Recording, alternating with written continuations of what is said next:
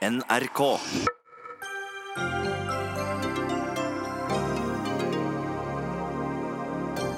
En ny IA-avtale er underskrevet, sykefraværet skal ned og flere stå i jobb. Men den åpner for lengre egenmeldinger og gir ingen endringer i sykelønnsordninga. Så hvordan skal dette gi færre sykedager? Det kan ikke bli påbudt å håndhilse i norsk arbeidsliv, mener Muslimsk dialognettverk etter avgjørelse i Diskrimineringsnemnda. Ingen skal få tvinge religionen sin på andre, protesterer innvandrerorganisasjonen. Høyre har åpnet for omstridt fostertest, men bare til noen, for et sorteringssamfunn vil de ikke ha.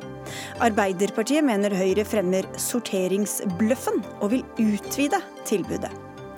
Og hvorfor skal politikere som har brutt loven eller sviktet partiets tillit, få bli sittende på Stortinget?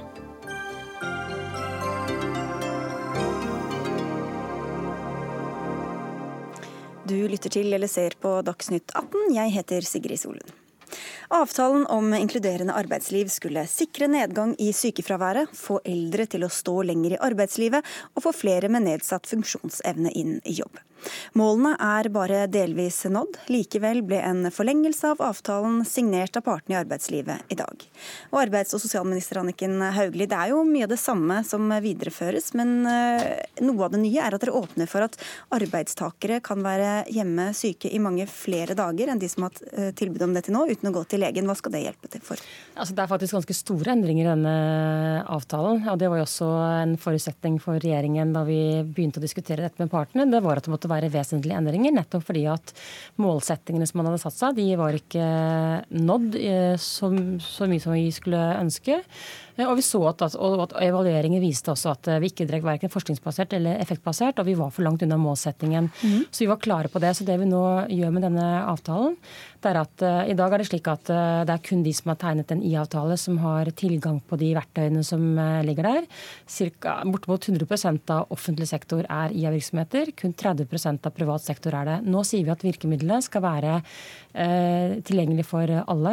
Vi innfører nå et ny bransjeprogram. Det er det ikke i dag. Vi innfører ny kompetansetiltak, det er det ikke i dag. Og vi innfører også en ny arbeidsmiljøsatsing som heller ikke er i dag. Så det er ganske store endringer, og mer konkret og mer spisset enn det den gamle avtalen er. Og et av dette, disse, disse, tiltakene er altså det jeg nevnte, at uh, nå må man ikke lenger til legen uh, hvis man ikke er IA-bedrift fra før, da, til, uh, ja, altså, etter tre dager. Ja, altså, Hvordan kan det hjelpe? Altså Dagens IA-avtale, der er det sånn at er det slik at, at de som er IA-virksomheter, de kan være, ha 24 egenmeldingsdager. I loven så står det 12, men i loven står det også at man kan avtale mer hvis man vil. Det vi nå sier er at uh, vi innfører en drøftingsplikt på den enkelte arbeidsplass, som gjør at dette er noe som skal diskuteres partene imellom. Men det, betyr, men det betyr ikke at arbeidsgiver må gi seg på det. Det er jo litt avhengig av hvordan forholdet er på den enkelte arbeidsplass. Men tilbakemeldingene vi får, er at uh, dette er et, et viktig tiltak. Arbeidstakerne setter pris på det. Og jeg tror jo også at når man gjør dette til en større del av dialogen mellom arbeidsgiver og arbeidstaker, så vil det kunne legge grunnlag også for en, en bedre arbeidsmiljøsatsing på den enkelte arbeidsplass. Vi kan jo komme litt tilbake til dette, men for å ta, Du sier det nå skal det være mer forskningsbasert. Nå, det, da antar jeg at dere vet hva som virker og ikke. Da, da, avtalen ble innført, så gikk sykefraværet mye ned med en gang. og Siden så har det ligget ganske stabilt på omtrent 6% Hvilke uh, virkemidler er dere nå innfører som får deg til å være sikker på at dere kommer til å nå de ambisiøse målene på, på sykefraværet? Ja, altså for det første så kommer vi nå til å ha flere forsøk nettopp for å, for å, få mer kunnskap om hva som virker. Kompetansetiltakene er jo noe som også partene er veldig opptatt av. Og de kommer til å rette seg mot personer som har vært eh, langtidssykemeldte, og som, man, eh, se, som står i fare for langtidssykemelding, og hvor man ser at de kanskje ikke kan komme tilbake igjen til den jobben de hadde. Og Derfor ønsker vi å se på mulighetene for å omskolere flere tidligere, slik at man ikke går inn i lange sykefraværsløp. Denne avtalen har et mye uh, mer konkret og mer, uh, større fokus på det som går på arbeidsmiljø. Altså det som skjer på den enkelte arbeidsplassen. Den andre avtalen hadde ikke det samme fokuset. Og det er fordi vi erkjenner at skal vi få redusert frafall, skal vi øke nærvær, skal vi få arbeidsplassen til å bli mer inkluderende, ja, så må vi også ha større fokus og flere spissa tiltak på den enkelte arbeidsplass. Og Det er bl.a. grunnen til at vi også ønsker bransjeprogrammer. Det er store forskjeller mellom bransjer og mellom sektorene. og Da kan vi ikke som jeg sa i dag, skyte med hagle og håpe at vi treffer. Vi er nødt til å være mye mer spissa enn det dagens avtale har vært. Men dere har jo flere mål samtidig. ikke sant? Samtidig som sykefraværet skal ned, så vil dere også egentlig ha et mer inkluderende arbeidsliv. Flere skal inn av de store gruppene som i dag er utenfor. Og samtidig så skal man også ha en avbyråkratiserings- og effektiviseringsnorm. Hvordan skal man da klare å, å, å få dette til å gå opp samtidig?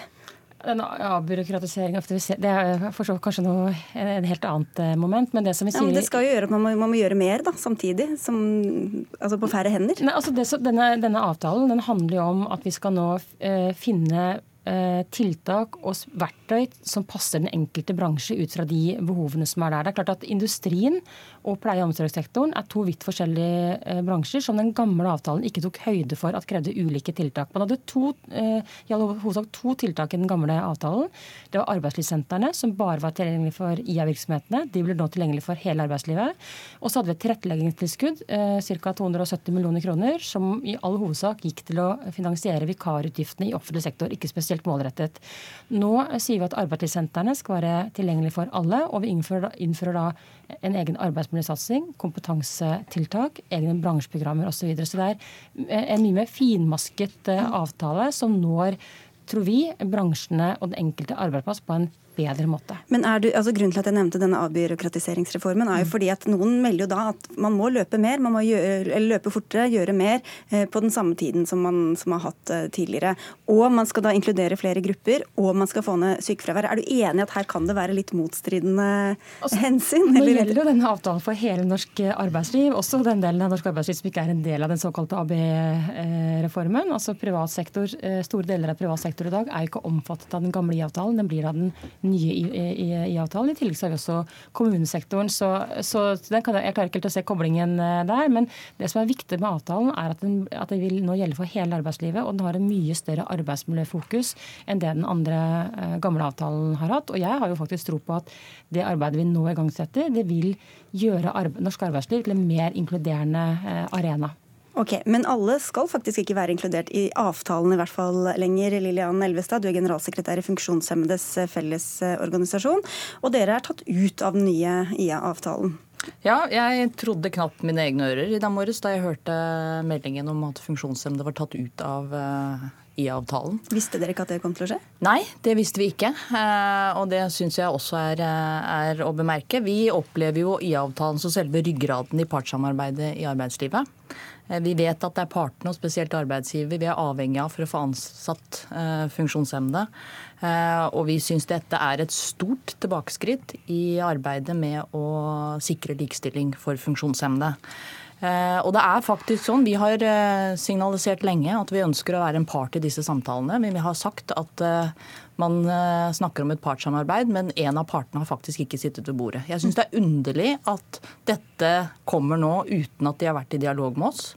Eh, men, eh, og, og, og, sånn sett så ser vi jo resultatet av dette. Mm. Og jeg ønsker å utfordre ikke minst både partene, men også statsråden på hvordan regjeringen nå faktisk tenker å forplikte partene i arbeidslivet på å inkludere funksjonshemmede. Vi hører arbeidslinja i annenhver setning som kommer fra regjeringen, og dette er et viktig verktøy for å faktisk kunne realisere det sånn som vi ser det. Og har vært et viktig delmål i avtalen så langt, så hva i all verden er poenget med å ta det ut, Hauglie? Ja, nå har jo vi både hatt eldre og funksjonshemmede som en del av denne avtalen i 17 år, uten at eh, det har gitt noen særlig gode resultater. Tvert om så har det stått dessverre på stedet hvil. Og det var jo også noe av bakgrunnen for at eh, vi da vi eh, ble utvidet med ett parti til i regjeringen, også lanserte inkluderingsdugnaden vår. For vi så at altfor mange av de som sto på utsiden av arbeidslivet, kom ikke inn. Her har vi også hatt god dialog med både eh, organisasjoner og andre om eh, hvilke tiltak som skal til. Vi la jo inn 125 millioner kroner i budsjettet 2019.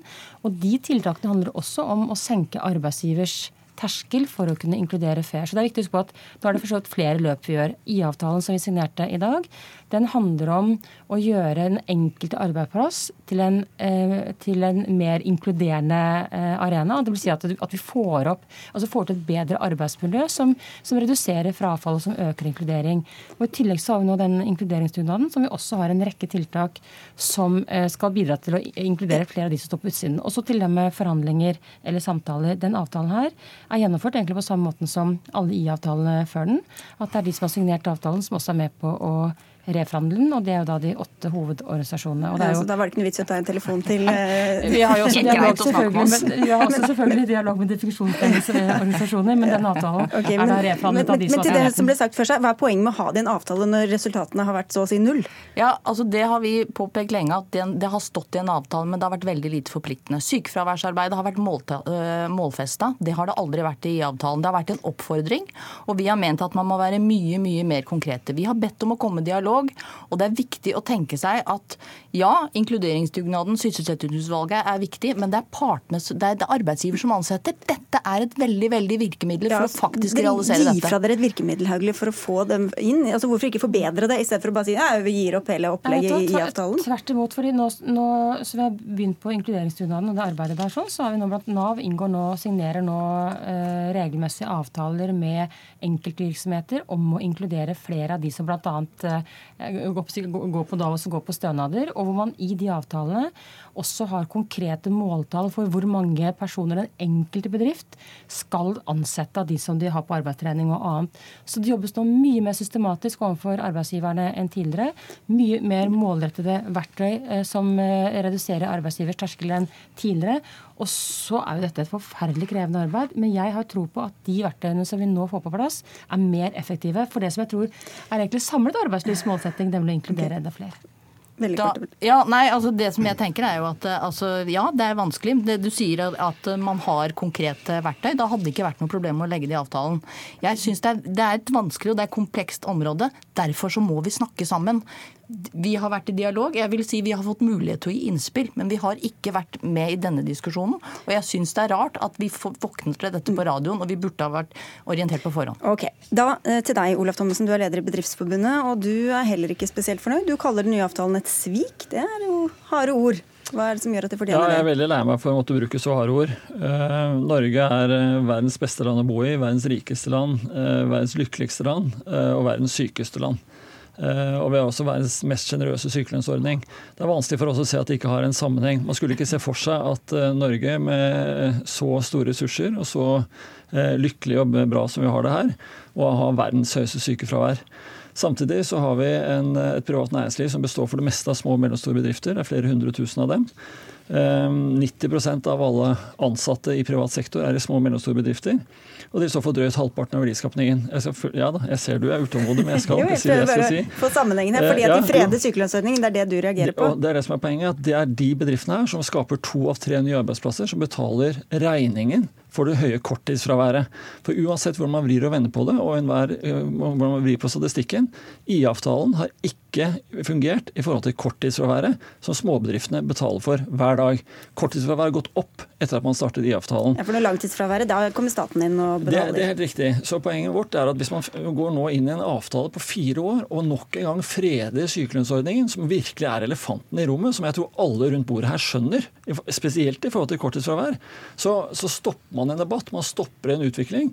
Og man, man, eh, man liksom pynter litt på, på, på, på, tallene og lager noen små ulike tiltak. For en avtale som ikke har fungert siden 2010. Eh, så det å frede sykelønnsordningen i fire nye år er svært uheldig for privat næringsliv i Norge, som består for det meste av små og mellomstore bedrifter. Mm, og da er det vel dette som har vært et veldig steilt krav fra dere i LO, eh, Roger Haga Heimli, hvor du er nestleder. Hvorfor var det så viktig å frede, frede sykelønnsordninga for å gå med på den nye forlenga avtalen? Det å ivareta, frede sykelønnsordninga og ivareta den sånn som den er i dag, det har vært viktig for LO. Det har vi vært eh, sagt vi skal være garantisten for. Det, det har vi fulgt opp eh, nå, at den, den, er fredet. Og det er ikke sykelønnsordningen og den, den goden som, som, som, som, er problemet. Den, den er løsningen, den. Eh, og Derfor har vi sagt at det å skape ro rundt det arbeidet her er viktig, og at sykelønnsordningen blir liggende. Så får vi ha fokus på hva kan vi gjøre på arbeidsplassen for å redusere sykefravær. Og Det er jo det denne avtalen nå gir utvidede redskaper til for å forebygge og hindre sykefravær. Så hvis sykefraværet ikke går ned, da, sånn som det er planlagt her, går dere da med på å endre sykelønnsordninga? Vi har sagt òg uh, i avtalen at vi kan diskutere hva som helst. Det måtte vi skrive under på, men vi kommer ikke Jo, men det, det, det, det, det er et lite paradoks at du er nødt til å skrive under i en avtale at vi skal snakke om ting altså, som vi kan snakke om, men vi, vi endrer ikke sykelønns... Vi går ikke inn i diskusjonen om å endre sykelønnsordninger av den grunn, for den, det er ikke den som er problemet. Det er, vi må inn og se på hvordan rigger vi arbeidslivet. Ok, for Sende det samme spørsmålet videre til deg. Det, er, det var vel kanskje dere som var med på å få dem til å skrive under på at det var lov å snakke om det, i hvert fall? da? Ja, det er, I eh, norsk sykelønnsdebatt så er det stor skritt faktisk å få partene til å kunne snakke om dette. Men, men, ingen kan jo være overrasket over at regjeringen har holdt det den lover. Eh, Høyre gikk til valg på at man ikke skulle gjøre noe med sykelønnsordningen i ja, denne perioden. Men hvis det ikke skjer, hvis sykefraværet ikke går ned da 10% sånn som dere nå har satt dere ja, altså det som, eh, Vi freder jo ordningen i fire år. Vi kan begynne å snakke om den. Det er jo, det er jo viktig for så vidt. Men det er også viktig å huske på at vi har satt ned et sysselsettingsutvalg. Og en del av mandatet til det utvalget det er å se på de ulike inntektssikringsordningene og hvordan de virker og gjensidig påvirker hverandre. Og det er klart Vi har mange inntektssikringsordninger som det er verdt eh, å se på. og Jeg føler meg ganske sikker på at når mm. partene skal inn i det utvalget,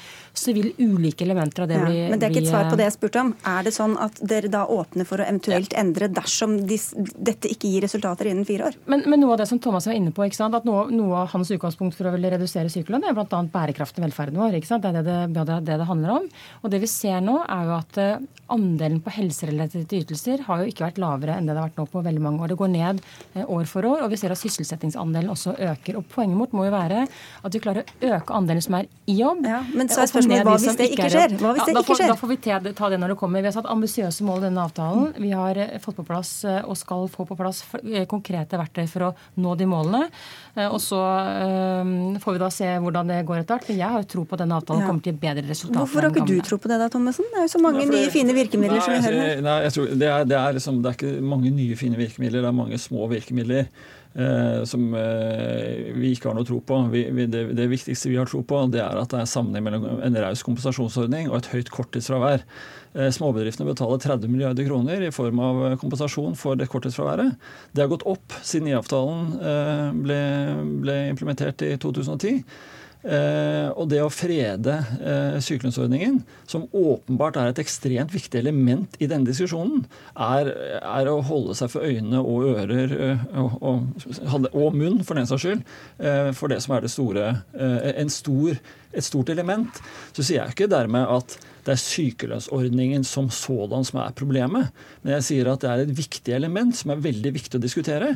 Vi i Bedriftsforbundet har sagt at vi er villige til å diskutere at arbeidsgivere kan ta en større andel av langtidsfraværet. Men da må arbeidstakeren og staten for den saks skyld være med å ta en større andel av korttidsfraværet. Ja, hva er det egentlig heimelig at arbeidstakerne nå skal gjøre annerledes? Hvor er det innsatsen til arbeidstakerne ligger i den nye avtalen?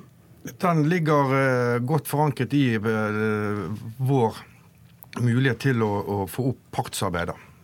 på den enkelte arbeidsplass. Partsarbeidet mellom arbeidsgiver og arbeidstaker. Det er godt forankret i avtalen òg. Og det jo, hele, vi kan jo sitte på et nasjonalt nivå og lage mål. Hvis ikke vi får dette opp som en, en debatt Men Hva betyr det? Hva skal, hva skal hver enkelt arbeidstaker gjøre annerledes nå for å få ned sykefraværet?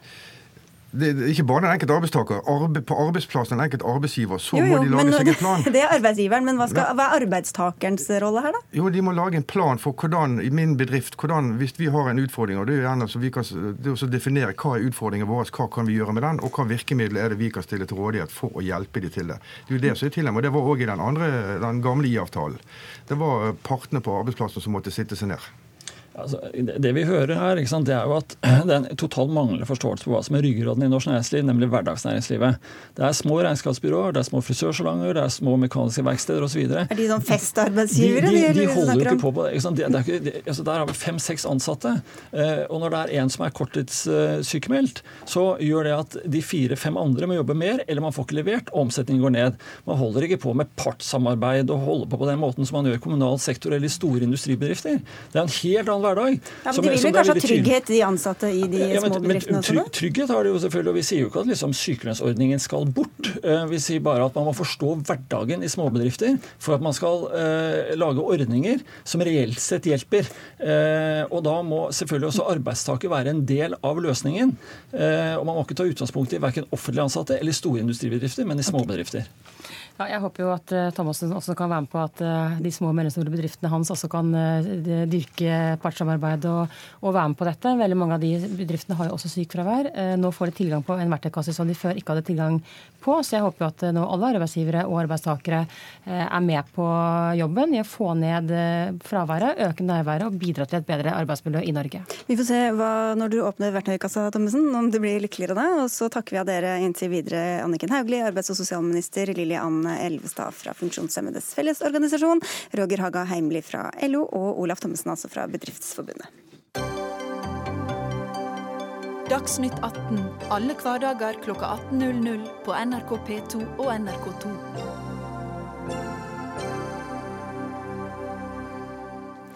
I dag og nettopp nå feller Fremskrittspartiet sin foreløpige dom over Erna Solbergs drøm om en firepartiregjering. For nå er FrPs landsstyre akkurat blitt eh, orientert om samtalene mellom regjeringspartiene og Kristelig Folkeparti med tanke på mulig utvidelse av regjeringa. Hvis de ikke har likt det de hører, så kan altså statsministerens drøm om en borgerlig flertallsregjering bli knust. Reporter Lisbeth Skei, du er på Fremskrittspartiets landsstyremøte som akkurat nå er ferdig. Hva ble sagt? Nå har altså partilederen eh, kommet ned akkurat nå, og vi kan jo høre med partileder Siv Jensen om landsstyret nå er klare for å bedre og forhandle en ny regjeringsplattform. Er dere det? Fremskrittspartiets landsstyre har gitt eh, enstemmig fullmakt til partiets ledelse om å gå i reelle forhandlinger med Høyre, Venstre og Kristelig Folkeparti for å se om det er mulig å få til en flertallsregjering. Hvor strenge betingelser har landsstyret satt, satt når det gjelder altså gjennomslag på viktige saker for dere? Ja, Vi har fått med oss veldig tydelige krav.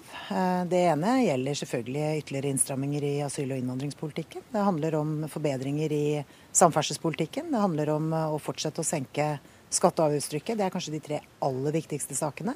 Men vi har fått med oss eh, mye mer. Eh, og Det blir jo partiledelsens jobb å forsøke å få eh, gjennomslag for. Så Det betyr at dere må ha nye gjennomslag på disse områdene som ikke allerede er oppnådd eh, på Jeløya? Det er jo sånn at alle partier som setter seg ned ved et forhandlingsbord, har ambisjoner om å få mer gjennomslag for egen politikk. Selv om Fremskrittspartiet har sittet fem år i regjering, så har vi fortsatt behov for nye gjennomslag på vegne av våre velgere. Det tar vi på det største alvor. Så vi skal gå inn i forhandlinger med den ambisjonen om å lykkes, men ikke uten at vi får betydelig gjennomslag. Har dere noe som helst å gå på når det gjelder abortlovens paragraf 2c, eh, som altså KrF mener er eh, diskriminerende? Fremskrittspartiet har vært veldig tydelig på at eh, kvinners rett til selvbestemt abort skal ligge fast. Utover det så tror jeg vi skal ta forhandlingene med de andre partiene. Betyr det at KrF har gitt etter på dette i sonderingene med dere? Jeg kommer ikke til å kommentere på hva som skjer i samtaler, sonderinger eller forhandlinger med andre partier. Der har jeg lang erfaring i at det holder vi i lukkede rom. Men vi har med oss en veldig klare mandater fra vårt landsstyre, eh, som vår partiledelse kommer til å prøve å følge opp etter beste evne. Hvor sterk var debatten her inne på dette landsstyremøtet? Ja, Vi har hatt en veldig god debatt, og vi har fått veldig klare, tydelige tilbakemeldinger på hvor eh, smertegrensen til Fremskrittspartiet går. Eh, det er jeg glad for, for det gjør det enklere for oss å vite hvor vi skal, og hvor grensen skal settes. Eh, hvor sterkt ønsker du eh, Kristelig Folkeparti inn i regjering?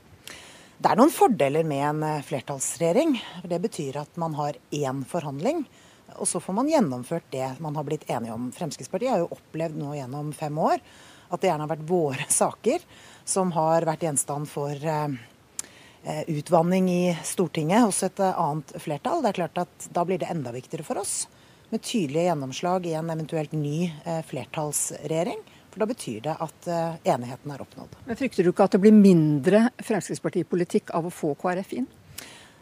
Det gjenstår å se. Nå skal vi først forhandle. Og så er det utfallet av forhandlingene, det samlede resultatet, vi går tilbake til Fremskrittspartiets organer med. Og det er altså Fremskrittspartiets landsstyre som til syvende og sist skal avgjøre dette. Takk skal du ha, Siv Jensen. Det var altså partilederen som nå kan si at de er klare for å forhandle en ny regjeringsplattform, der også KrF er med. Og takk til deg, Lisbeth Skei.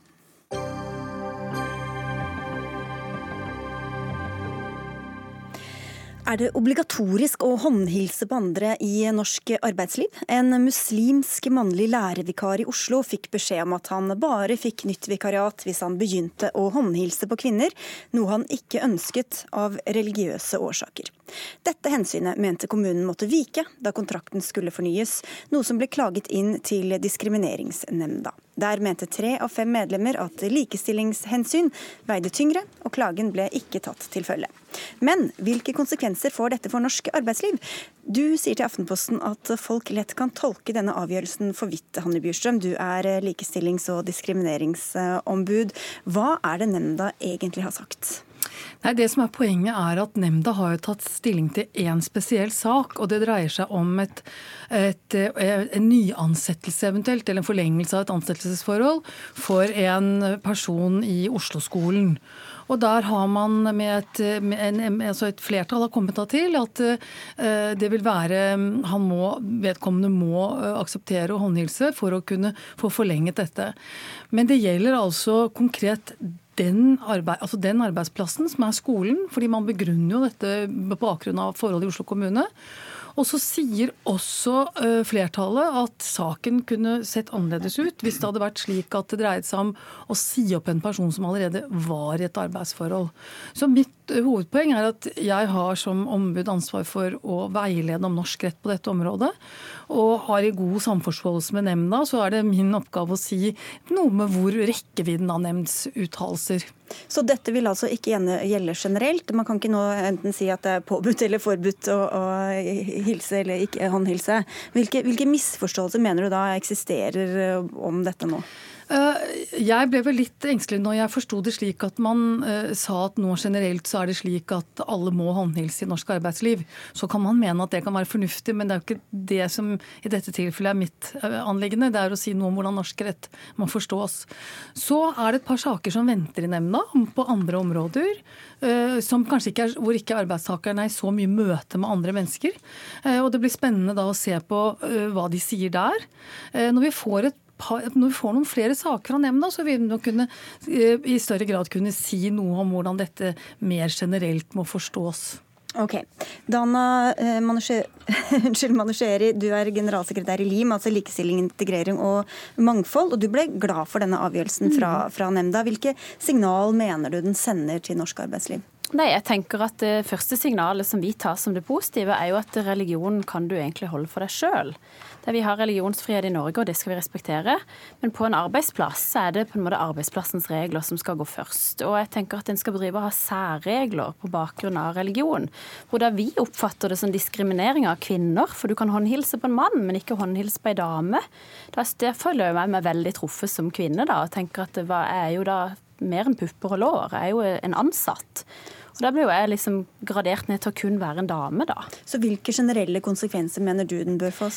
Nei, Jeg mener jo at uh, vi er i 2018, og da håndhilser vi. Uavhengig om du er på en arbeidsplass eller hvis noen strekker ut en hånd til deg og vil hilse på det, så gjør du det i en respekt og høflighet. Noe som også de lærde muslimer i Norge uh, bekrefter at vi skal ikke lage mer konflikter enn det det egentlig er. Eh, og det er ikke noe galt i å håndhilse. Så jeg skjønner ikke nemndas på en måte og skal ta veldig hensyn til dette eh, kravet fra islam, da, som også lærer de muslimer ikke eh, støtter opp under. Hvis vi bare holder oss til dette foreløpig, Bjørsum, hva frykter du eventuelt kan bli konsekvensen av denne avgjørelsen i nemnda med tanke på de signalene som blir sendt? Nei, Jeg frykter ingenting. Altså, Jeg har to oppgaver. og Den ene er å si noe som sagt om hvordan norsk rett er. Og nå har vi fått en avgjørelse knyttet til en, en person som jobber med, i en skole med, med, foreldre og barn. Og, og, da har man kommet til den konklusjonen at da er har du så møte med mange at da er det naturlig at du, at du må, altså at religionsfriheten må vike for andre hensyn. Det er jo det vi snakker om. For å være klar over at en samlet nemnd er enige om at dette å ikke håndhilse er et religiøst uttrykk som er vernet av religionsfriheten. Og så er det bare egentlig hvordan man balanserer ulike hensyn mot hverandre. Eh, jeg, jeg er bare opptatt av at um, man må sørge for at man også har med religionsfriheten i den diskusjonen.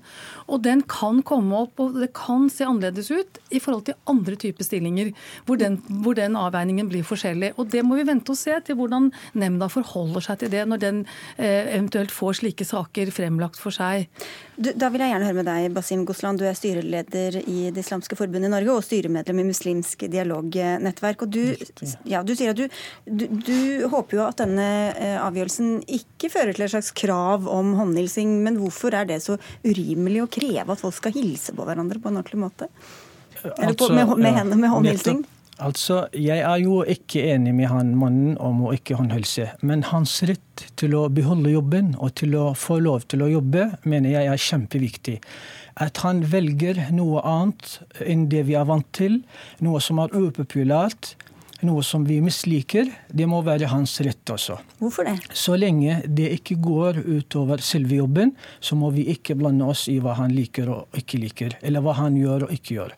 Hadde jobben vært av en slik karakter at det å håndhilse er kjempeviktig, og at resultatene eh, blir skadet av denne handlingen eller denne holdningen, eh, altså hvis, ikke, hvis, hvis han ikke håndhilser, så blir eh, jobben ikke gjort, f.eks. Da skjønner jeg helt at man skal kreve at han skal håndhilse. Men den jobben han driver med, krever ikke dette.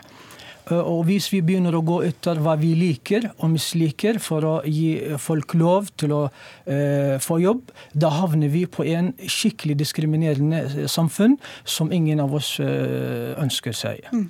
Ja, man ser hvorfor, Så lenge man hilser eller behandler andre med respekt, hvorfor er det så forferdelig farlig om man akkurat håndhilser eller ikke? Det er jo vanlig kutyme at vi håndhilser. Det er jo gå på respekt. Det står jo til og med i Koranen. og Nå skal ikke jeg stå her og preke Koranen, for det blir jo liksom helt feil jobb. Men det syns jeg på en måte er litt spennende, det som jeg hadde litt lyst til å høre ombudet si, da. Hvilken stilling er det du hadde klart å si at det er greit å la være å håndhilse? Og hvilken, I hvilken stilling er det greit å si at jeg kan håndhilse på ei dame, men ikke på en mann? Mm. Det har jeg null forståelse for, og det er jo litt interessant å høre. Du kan få svare selv. Ja, jeg mener jo at Hvis man f.eks. La oss se at det er noen stillinger hvor jeg altså For dette er jo en vanskelig, dette, for det første er det vanskelig. Ja, for Du er enig i at likestilling står mot religionsfrihet? Jeg mener at likestilling står mot religionsfrihet, som står mot, eller som, mot arbeidsgivers behov for å på en måte bestemme hva slags uttrykk man skal ha på jobben. Og dette er vanskelig. Men det er nettopp når det er vanskelig at vi må ha liksom litt eh, is i magen, og det er nettopp når det er vanskelig at mindretallet trenger et vern fra flertallet. Og, og det jeg opptatt av, er at eh, ikke man generelt sier at man må gjøre noe. Man mm. har en konstruktiv, balansert eh, eh, innfallsvinkel og gjør en avveining. Og Et stilling jeg har nevnt nettopp for oss å bruke skolen, det er at hvis man er rengjøringsassistent, gjør rent på skolen etter arbeidstiden, møter ingen foreldre, møter ingen elever, møter kanskje noen lærere, hilser som man gjør når man møter noen når man gjør jobben sin, hei, og det vil man gjøre, så syns jeg at hvis vi sier som samfunn at nei, men hvis du sier på intervjuet til den stillinga til håndhilser ikke, så får du ikke jobben, da handler det om noe annet. Og det, det, det, er egentlig bare det jeg er opptatt av, at vi må ha den mm. avveiningen. Og så bare én ting jeg må få si. Jeg, ja, men bare, det, er helt avgjørende etter mitt syn også at man behandler kvinner og menn likt. Mm. Og det var denne kvinnen i Sverige som har hatt en sak helt tydelig på, at hun hilser likt på menn og kvinner. Og det mener jeg også at en, en muslimsk mann eller kvinne som ikke håndhilser på det andre kjønn, må hilse likt på begge. Ja, jeg tenkte vi skulle komme tilbake til det, for, mm. men bare for å spørre tilbake deg, Mener du at det skal være påkrevd i enhver stilling uansett Nei, hva man gjør? Absolutt ikke, men jeg tenker at det, eh, i en gitt situasjon hvor du går forbi noen og sier hei, så er det ikke naturlig å strekke ut en hånd. Men hvis en kollega, for det, det er klart en arbeidsplass som Basim sier, det, du, så lenge ikke du går utover jobben. Men det er klart en arbeidsplass består av mye mer enn bare den jobben du gjør. Det er et kollegial, du skal snakke sammen, vi skal integreres. det Hele integreringa går jo på å være i dialog med hverandre. Hvis kollegene syns det er greit, da? Hvis det, hvis det er rengjøringsassistenter, og det er tre stykker som jobber der, og alle syns det er helt OK at man ja, ikke Da er det jo ikke noen som strekker ut hånd, da. Nei, da, er, da, er, det ikke noe problem. Da er det jo ikke noe problem, og da trenger du ikke å fritas for det heller. Men hvis det er klart, hvis jeg strekker ut en hånd og skal hilse på deg, og du snur deg vekk, det, er det signalet du mm. sender til meg da, er jo maks uheldig. Og spesielt pga. kjønnet ditt, fordi ja, du er kvinne. Ja, for å ta det, Gosland. Her var det jo sånn at mannen ikke nektet egentlig å håndhilse generelt, men det var kvinner spesielt. Ja. Er det greit? Slik han mener, slik han forstår sin egen religion, så mener han at det er greit. Og jeg mener at dette må vernes eh, under religionsfrihet. At vi har religionsfrihet betyr ikke at man kan velge religion bort, men det betyr faktisk også at man kan velge seg en religion og kan leve etter denne religionen. Så lenge denne religionen altså ikke går utover andre viktige ting, så må man få lov til å praktisere denne religionen. Men la meg si en ting. Det og at forskjellsbehandling av menn og kvinner Jeg ser dette hver dag. Når vi håndhilser på hverandre, så er det ofte sånn at menn håndhilser på meg. Men når det er en dame ved siden av meg, så får hun en klem.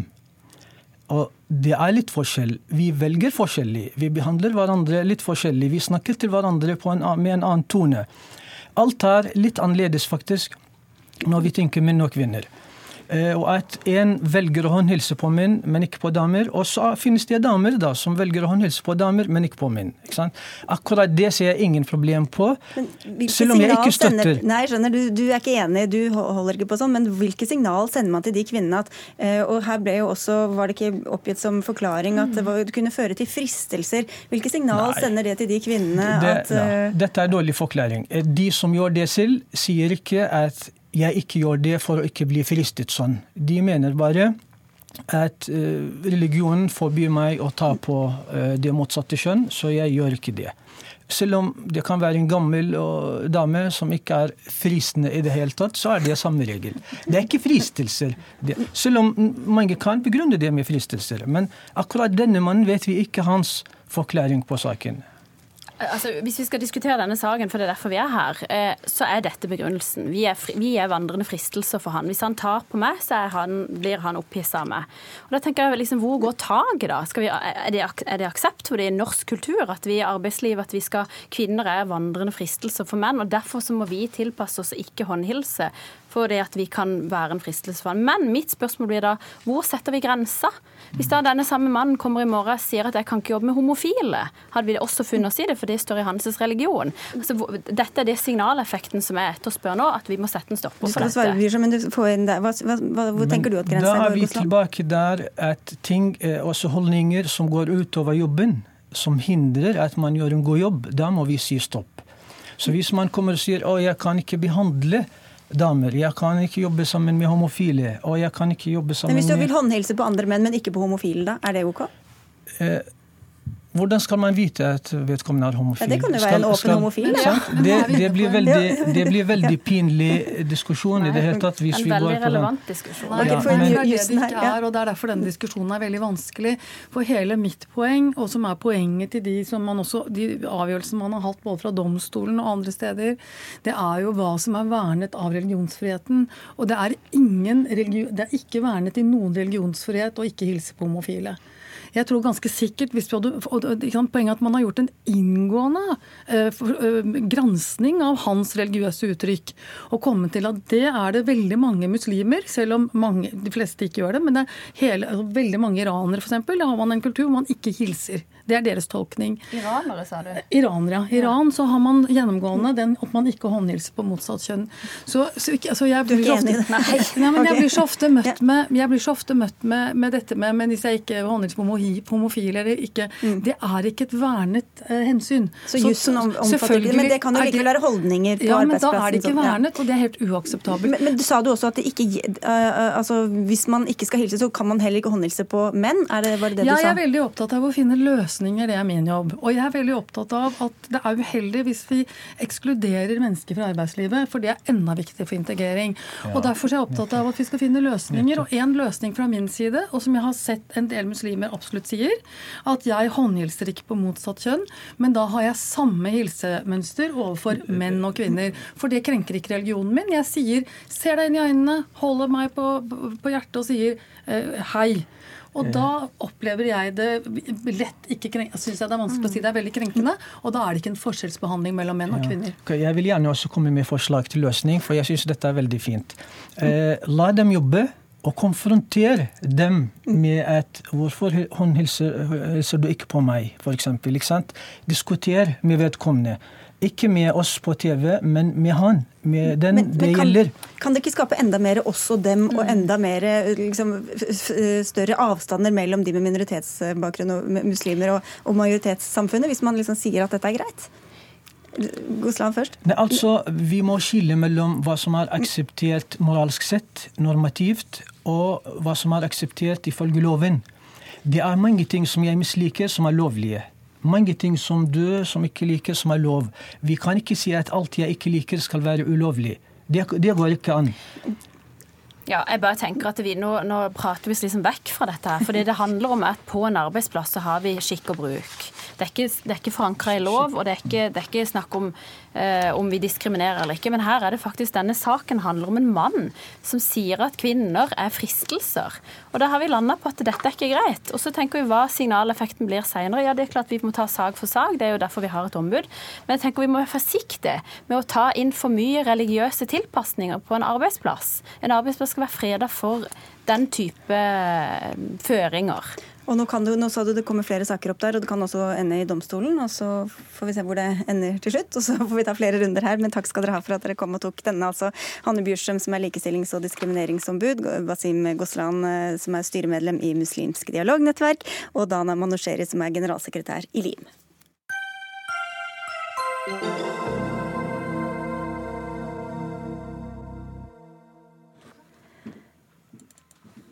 Mange som venter barn, ønsker å vite så mye som mulig om fosteret, men det er bare noen som får tilbud om den informasjonen som er tilgjengelig. Den kan man få gjennom NIPT-testen, en blodprøve som bl.a. kan avdekke kromosomavvik, som f.eks. Downs syndrom. Denne måneden ble denne testen tilgjengelig i Norge, men bare for kvinner over 30 år, 38 år og som har fått påvist økt risiko for kromosomavvik. Hvert år reiser imidlertid flere hundre norske gravide utenom risikogruppene til utlandet for å ta denne omstridte testen. Som dere nå vil gjøre mer tilgjengelig, Ingvild Kjerkol, du er stortingsrepresentant for Arbeiderpartiet. Hvem ønsker dere å gi denne testen til, som ikke får tilbud om den i dag? Vi mener at eh, de som skal få tilbud om fosterdiagnostikk, de skal få det fra 35 år, altså kvinner som er gravid med termin innen de er 35 år. Og så har vi jo kriterier i dag for dem som har historikk med alvorlig sykdom i familie. De som oppfyller disse kriteriene for fosterdiagnostikk, de skal få NIPT. Det skal være en del av deres tilbud. Ja, Sammen med tidlig ultralyd, er det dere snakker om der? Ja, vi eh, ønsker at eh, alle, uansett hvor gammel man er, Eh, hvis du blir gravid i Norge, så skal du få tidlig ultralyd. Og hvis man gjør funn på tidlig ultralyd, så skal oppfølginga være NIPT-testen. Men vi har ikke foreslått NIPT-testen til alle gravide. Vi har foreslått tidlig ultralyd til alle gravide. Og så, Men hva, hvor, er det dette 35, hvem er det som skal Hva, hva skjer der ja, i forhold til de som er under? Eh, I dag så er det jo en ganske spesiell begrunnelse for at man får det fra fylte 38 år. Jo, men jeg skjønner, altså, Alle skal få tilbud om tidlig ultralyd, men ja. skal man bare få tilbud om denne NIPT-testen hvis ultralyden påviser noe når man er over 35, eller skal man nei, da uansett? Nei, nei, det er ved funn for alle som får ultralyd. Jo, men de som er over 35, hva, hva er forskjellen der? I dag så har vi På det dere vil? Ja, jeg tror vi må forholde oss til sånn som det er i dag. I dag så får alle tilbud om en rutinemessig ultralydundersøkelse i ca. uke 18. Og så får man tilbud om fosterdiagnostikk. Det er tidlig ultralyd og en eh, litt eldre blodprøve og eventuell fostervannsprøve hvis man trenger det. Det gis etter gitte kriterier. Vi mener at den grensa skal følge det faglige rådet som i sin tid var 35 år. Eh, grunnen til at det var 38 år, det var en begrunnelse med at det var lite kapasitet. Og så mener vi at alle skal få tidlig ultralyd. Ja, ok, så egentlig... Jeg syns ikke det er så uklart, Nei, jeg, da. Okay. Alle får tidlig ultralyd. Ja. Og dem som har eh, etter gitte kriterier rett på fosterdiagnostikk i dag Det eneste dere forskjellen er fra 38 til 35 år, og så ja. tidlig ultralyd i tillegg? Ja, absolutt. Ah, ok. Maria Gjerman Bjerke, du er statssekretær for Helse- og omsorgsdepartementet. Hvorfor skal denne testen, som altså er helt ufarlig, bare tilbys dem som er over 38, og når de har fått påvist eh, en mulig risiko? Altså, vi går inn for den eh, modellen som Helsedirektoratet eh, anbefalte oss eh, når det gjelder innføring av NIPT. Eh, for det første så vil jo det da eh, kun være kvinner som oppfyller vilkårene for eh, fosterdiagnostikk. Det er jo egne retningslinjer for dette. Ehm, så må disse kvinnene da eh, få en, eh, gjennomføre en KUB-test, altså en kombinert ultralyd og blodprøve, som da, eh, hvis den viser forhøyet risiko for trisomier, så får da kvinnene tilbud om Trisomier det er altså f.eks. Downs syndrom eller andre mer alvorlige kromosomavvik. Men ja, som du sier, Da må man først ta denne blodprøva og uh, ultralyd før man får tilbud om denne NIPT-testen, som jo egentlig kan gi mange flere svar enn det man ser etter i uh, Norge. Men det betyr jo også at man får svarene mange uker seinere enn med Arbeiderpartiets uh, forslag. Hvorfor skal dere ha en politikk som nødvendigvis da legger opp til at abortene skal skje mye seinere, lenger ut i svangerskapet, enn de nødvendigvis må? Nei, altså Bakgrunnen for at vi eh, har godkjent NIPT-testen, er at denne er en mye mer skånsom metode eh, enn den metoden man i dag, eller altså før vi innførte NIPT-testen, eh, tilbyr, som er da fostervanns- og morkakeprøve. Disse prøvene gir en eh, økt risiko for eh, spontanabort. Eh, mens NPT-testen vil være mye ja, mer men det var ikke det jeg spurte om. Hvorfor kan man ikke ta denne testen før, eh, før, eh, før grensa for selvbestemt abort går ut? Nei, eh, Hvis vi skulle innført NPT-testen som en første test, altså før man gjennomfører eh, KUB-testen, så ville jo da formålet vært å gå fra som formålet i dag er, å redusere risikoen for spontan abort til å finne flest mulig barn med trisomier. For når man gjennomfører KUB-testen, så vil den avdekke mye mer enn det eh, NIPT-testen vil. KUB-testen kan bl.a. se om fosteret er født uten hjerne, altså flere alvorlige misdannelser enn det NIPT-testen kan påvise, som da kun kan påvise disse ulike trisomiene. Eh, og så eh, er det også slik at dersom NIPT-testen Eh, viser et, eller har et positivt utfall, så må den uansett bekreftes eh, med morkake og fostervannsprøve eh, for å kunne avkrefte eller bekrefte funnet. Slik at Det kan også da bety at flere kvinner faktisk vil måtte ta eller gjennomføre morkake- og fostervannsprøve enn i dag. Så, så, i verste fall så kan det faktisk føre til flere spontanaborter ja, men... enn gjennom den modellen vi har valgt. Da. Ok, Prøv en gang til Kjerkol, å si hva som er forskjellen på, det, på dem som er over 35 eller 38, da, hva dere ønsker å gjøre annerledes? Vi vil gi tidlig ultralyd til alle kvinner som er gravide, uansett hvor gamle de er. Og Hvis man gjør funn der, så mener vi at det skal følges opp med NIPT-testen. Og Når skal man ta den testen hos dere? Nei, Det er når man har fått Eh, funn. Da, altså i uke tolv eller noe sånt? Nå. Ja, tidlig ultralyd det er i første trimester. Så tidligst mulig. Og det er av den enkle årsak at hvis man kan forebygge disse senabortene, så er det best for alle. Hvis man gjør funn der som fører til en senabort eh, eh, senere ut, så er det mer skånsomt. Det er kunnskap som er bra for kvinner å få på et tidligst mulig tidspunkt. Men det kommer til å bli født færre med Downs syndrom f.eks.? Det er ikke sikkert. Det viktigste her er jo at kvinner får muligheten til å kjenne til misdannelser eller sykdom. Og vi må huske på det, at det er stadig flere lidelser som kan behandles i mors liv av våre frembragende fostermedisinere. Og man kan stå klar med et apparat når eh, svangerskapet er fullendt for flere sykdommer. Så det er like viktig å redde liv her. Jeg syns det er en overfokus på dem som da mm. eventuelt velger å avbryte avbryte svangerskapet. Ok, Det er sikkert veldig mange forvirrede lyttere her ute. Ja, det er det nok. Alle men, må sitte og slå opp og google samtidig som vi diskuterer. Men, men, grunnen til at denne diskusjonen om 38 kontra 35 har kommet opp nå, det er jo at man har ei aldersgrense i dag. Og det faglige rådet er at den skulle være på 35 år. Okay. Men så innførte man aldri det av praktiske ja. hensyn. Man hadde ikke nok kompetanse i helsetjenesten. Det mener vi er et eh, et eh, argument som ikke gjelder lenger. Ja. Det bør være de faglige begrunnelsene okay. som ligger til grunn for det tilbudet man gir. Da skal vi ta inn en tredjeperson. Jeg ser Reidar, du er vararepresentant på Stortinget for, for, Rødt. Og dere vil at denne testen vi snakker om her, altså NIPT-testen, skal være tilgjengelig for alle som ønsker det, uavhengig av alder. Hvorfor ja. det? Eh, først og fremst vil jeg bare understreke at det er ikke noe radikalt å ønske det. Eh, I dag er det tilgjengelig for alle som ønsker det, både i Sverige, i Danmark, i Storbritannia og Island. Eh, så Norge ligger egentlig litt langt etter. Og dette her handler om at kvinner skal ha muligheten til å ha mer informerte valg. Her har vi teknologi og muligheten til å tilby kvinner det, men uh, unge kvinner utelukkes fra denne muligheten. Uh, og debatten rundt 2C i høst viste altså abortlovens 2C? Abortloven 2C i år viste jo også at det er ganske grusomt å først få vite i, rundt uke 18 Eh, at et foster som har ønska har alvorlige sykdommer eller ikke er levedyktig. Og vi mener at den informasjonen den må kvinnene få mye tidligere.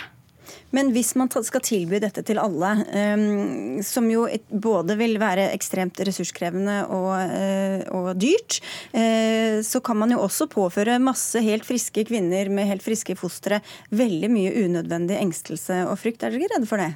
Tvert imot. Det er jo mange som er ganske engstelige når de ikke har eh, tilgjengelig informasjon mye tidligere i svangerskapet. Så her kommer de til å få informasjon tidligere, og på den måten også eh, kunne ta avgjørelser om hvordan de vil fortsette eh, livet sitt, eventuelt svangerskapet sitt. Da. Hvorfor ikke gir det til alle når dere først åpner for noen, Kjerkol?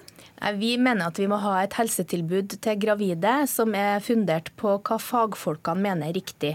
Hvis fagfolkene mener at det er veldig viktig for et normalt svangerskap å ta denne testen, så vil Arbeiderpartiet vurdere det. Så langt har vi ingen sånne klare, gode råd på at det er riktig prioritering.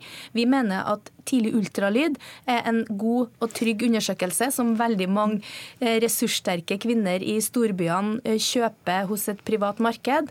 Da er det viktig for oss i Arbeiderpartiet at det blir kunnskap som alle landets kvinner får i den offentlige helsetjenesten, med god og trygg kunnskap. For det medisinske uh, Nytten av den private er jo, er jo, ofte veldig tvilsom også, Jarman Bjerke. Så hvorfor ja. liksom leve med et sånt todelt system? Nå er det jo ganske mange temaer vi diskuterer, da, men for å ta den tidlig ultralyd-debatten først, så er det jo slik at eh, man har ikke klart å altså, påvise noe medisinsk nytteverdi eh, av å ha en tidlig eh, ultralyd. Hvis vi skal innføre det som et offentlig tilbud, så må vi sikre på at man faktisk har en medisinsk nytte, hvis man skal bruke ressurser på det. Eh, når det gjelder eh, fosterdiagnostikk og reglene for det, så, så er det egentlig tre begrunnelser for hvorfor vi har de kriteriene eh, som vi har i dag. Altså det første er det liksom medisinskfaglige. Eh, at eh, det må være da påvist risiko for utviklingsavvik. Hos eldre kvinner så er det jo større risiko for det. Så er det det prioriteringsmessige. at skal vi, Det vil kreve ressurser i helsetjenesten dersom man skal innføre dette. Og så er det jo formålet med bioteknologiloven, som jo er å sette grenser for, okay. for den utviklingen mot det vi i debatten kaller sorteringssamfunnet. Vi har kort tid igjen, du skal få, skal få en kommentar hver.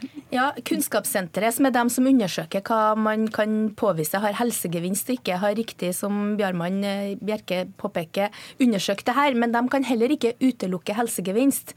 Og vi har nasjonale veiledere, særlig på tvillinger, som sier at man skal følge opp svangerskapet fra uke 16.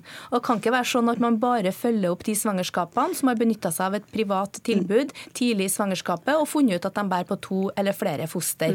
Så det her må bli et tilbud for alle, mener vi i Arbeiderpartiet. Ja, i alle jeg er helt enig at det må være tilbud for alle. og Det samme gjelder også NIPT-testen. Det er mange som reiser til utlandet i dag for å få den testen. De må få den muligheten i Norge. Dere, dette håper vi fortsatt at det ikke var mer forvirrende enn oppklarende. At vi fortsatt har noen lyttere. For vi har jo en debatt igjen. Takk skal dere ha, alle tre. Hør Dagsnytt 18 når du vil. Radio NRK Radio.nrk.no.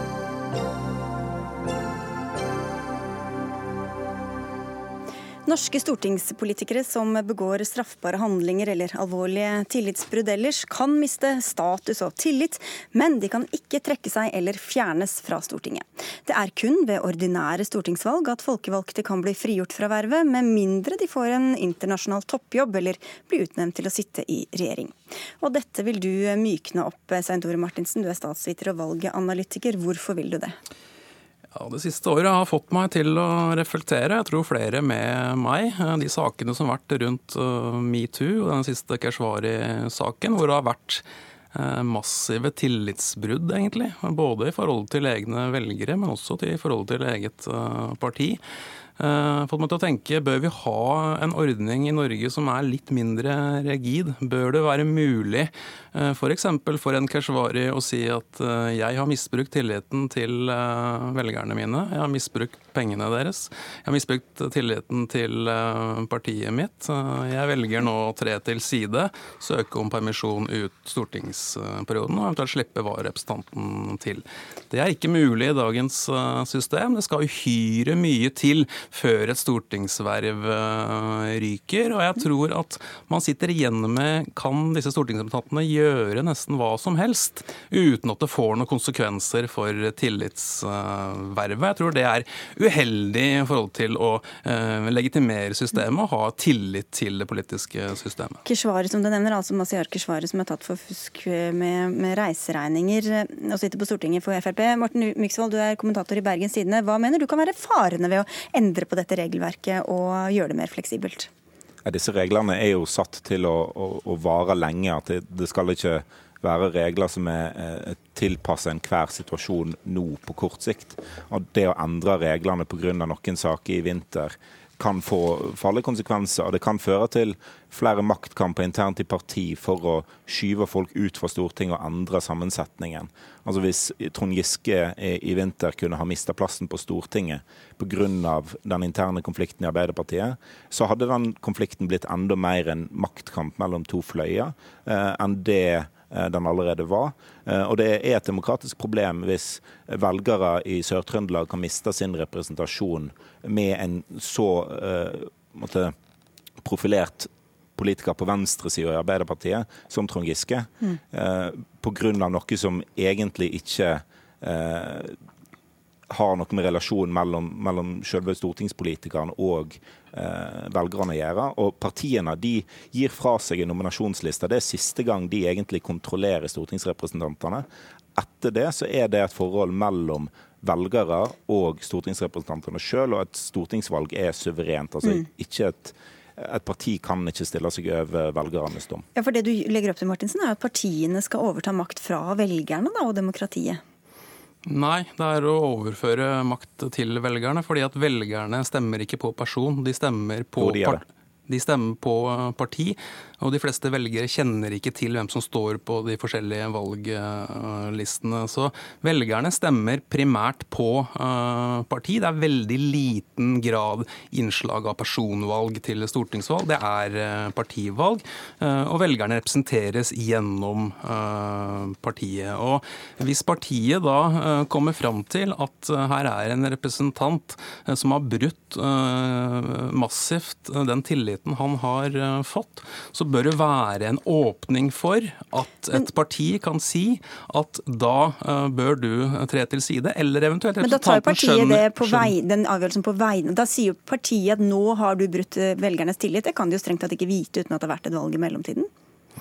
Nei, det kan du si. og I Grunnloven så er jo dette slått ganske klart uh, fast. Men man kan ikke bare basere seg på uh, Grunnloven. for Hvis man leser uh, Grunnloven, så får man ikke noen god forståelse av hvordan det norske politiske systemet fungerer. Kongen er altfor sterk, og partiene har en mye viktigere rolle enn det som kommer fram i Grunnloven. Ok, Myksvold, De som sitter på Stortinget de skal jo representere oss. Hva når de gjør ting som, som gjør at velgerne føler at de, de vil ikke bli representert av de representantene lenger? Det, det finnes jo velgere som òg bryter loven og som gjør ulovlige ting, og som, som, får bøter, som blir satt i fengsel, som gjør eh, ting de ikke har lov til. Og, og de velgerne blir jo på en måte òg representert. Altså Vi ønsker oss ikke en politisk klasse i Norge som er helt atskilt fra befolkningen for øvrig, enten når det kommer til lønn eller andre privilegier. De skal ikke være straffrihet for politikere. Men det kan ikke være sånn at likhet for loven skal bety at stortingspolitikere skal dømmes hardere enn andre, og at en skal miste eh, alt levebrød pga. En, en kriminell handling som ikke nødvendigvis har med jobben å gjøre. Og det som Martinsen sier om, om, stortingsvalget i Norge, er feil. Altså, stortingsvalget i Norge er et personvalg. Det er organisert på partiliste, men det er et personvalg. Og hvis du overlater det til partiene og setter sammen Stortinget etter stortingsvalg, så kan det få noen veldig dårlige konsekvenser. Senest først forrige stortingsvalg så truer Fremskrittspartiet med å ekskludere Ingebjørg Godskesen fra Agder fordi hun stemte imot regionreformen. Hvis Martinsens forslag hadde gått gjennom, så kunne jo partiet da ha fjerna henne fra Stortinget pga. en sak hun gikk til valg på.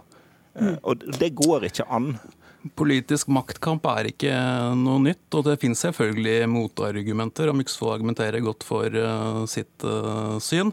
Uh, men samtidig så er det norske systemet så rigid. Jeg tror ikke jeg kjenner til noe annet politisk system hvor det er så få muligheter for unntak. Og det at, vi har, det at vi har en ordning hvor velgerne sier sitt gjennom valg, det er selvfølgelig viktig, men det bør åpnes for at ved tungtveiende grunner, eh, så kan da vararepresentantene komme inn. Og det er jo helt F.eks. hvis en, et eh, parti eller en representant endrer syn, melder seg ut av partiet sitt og kanskje inn i et annet parti, så beholder man fortsatt stortingsplassen i, eh, i Norge, og det er for rigid etter mitt skjønn. Det er fordi at stortingsvalget er mer suverent enn partiet sine egne vedtekter og regler. Morten Myksvold, takk skal du ha. Det var det vi rakk.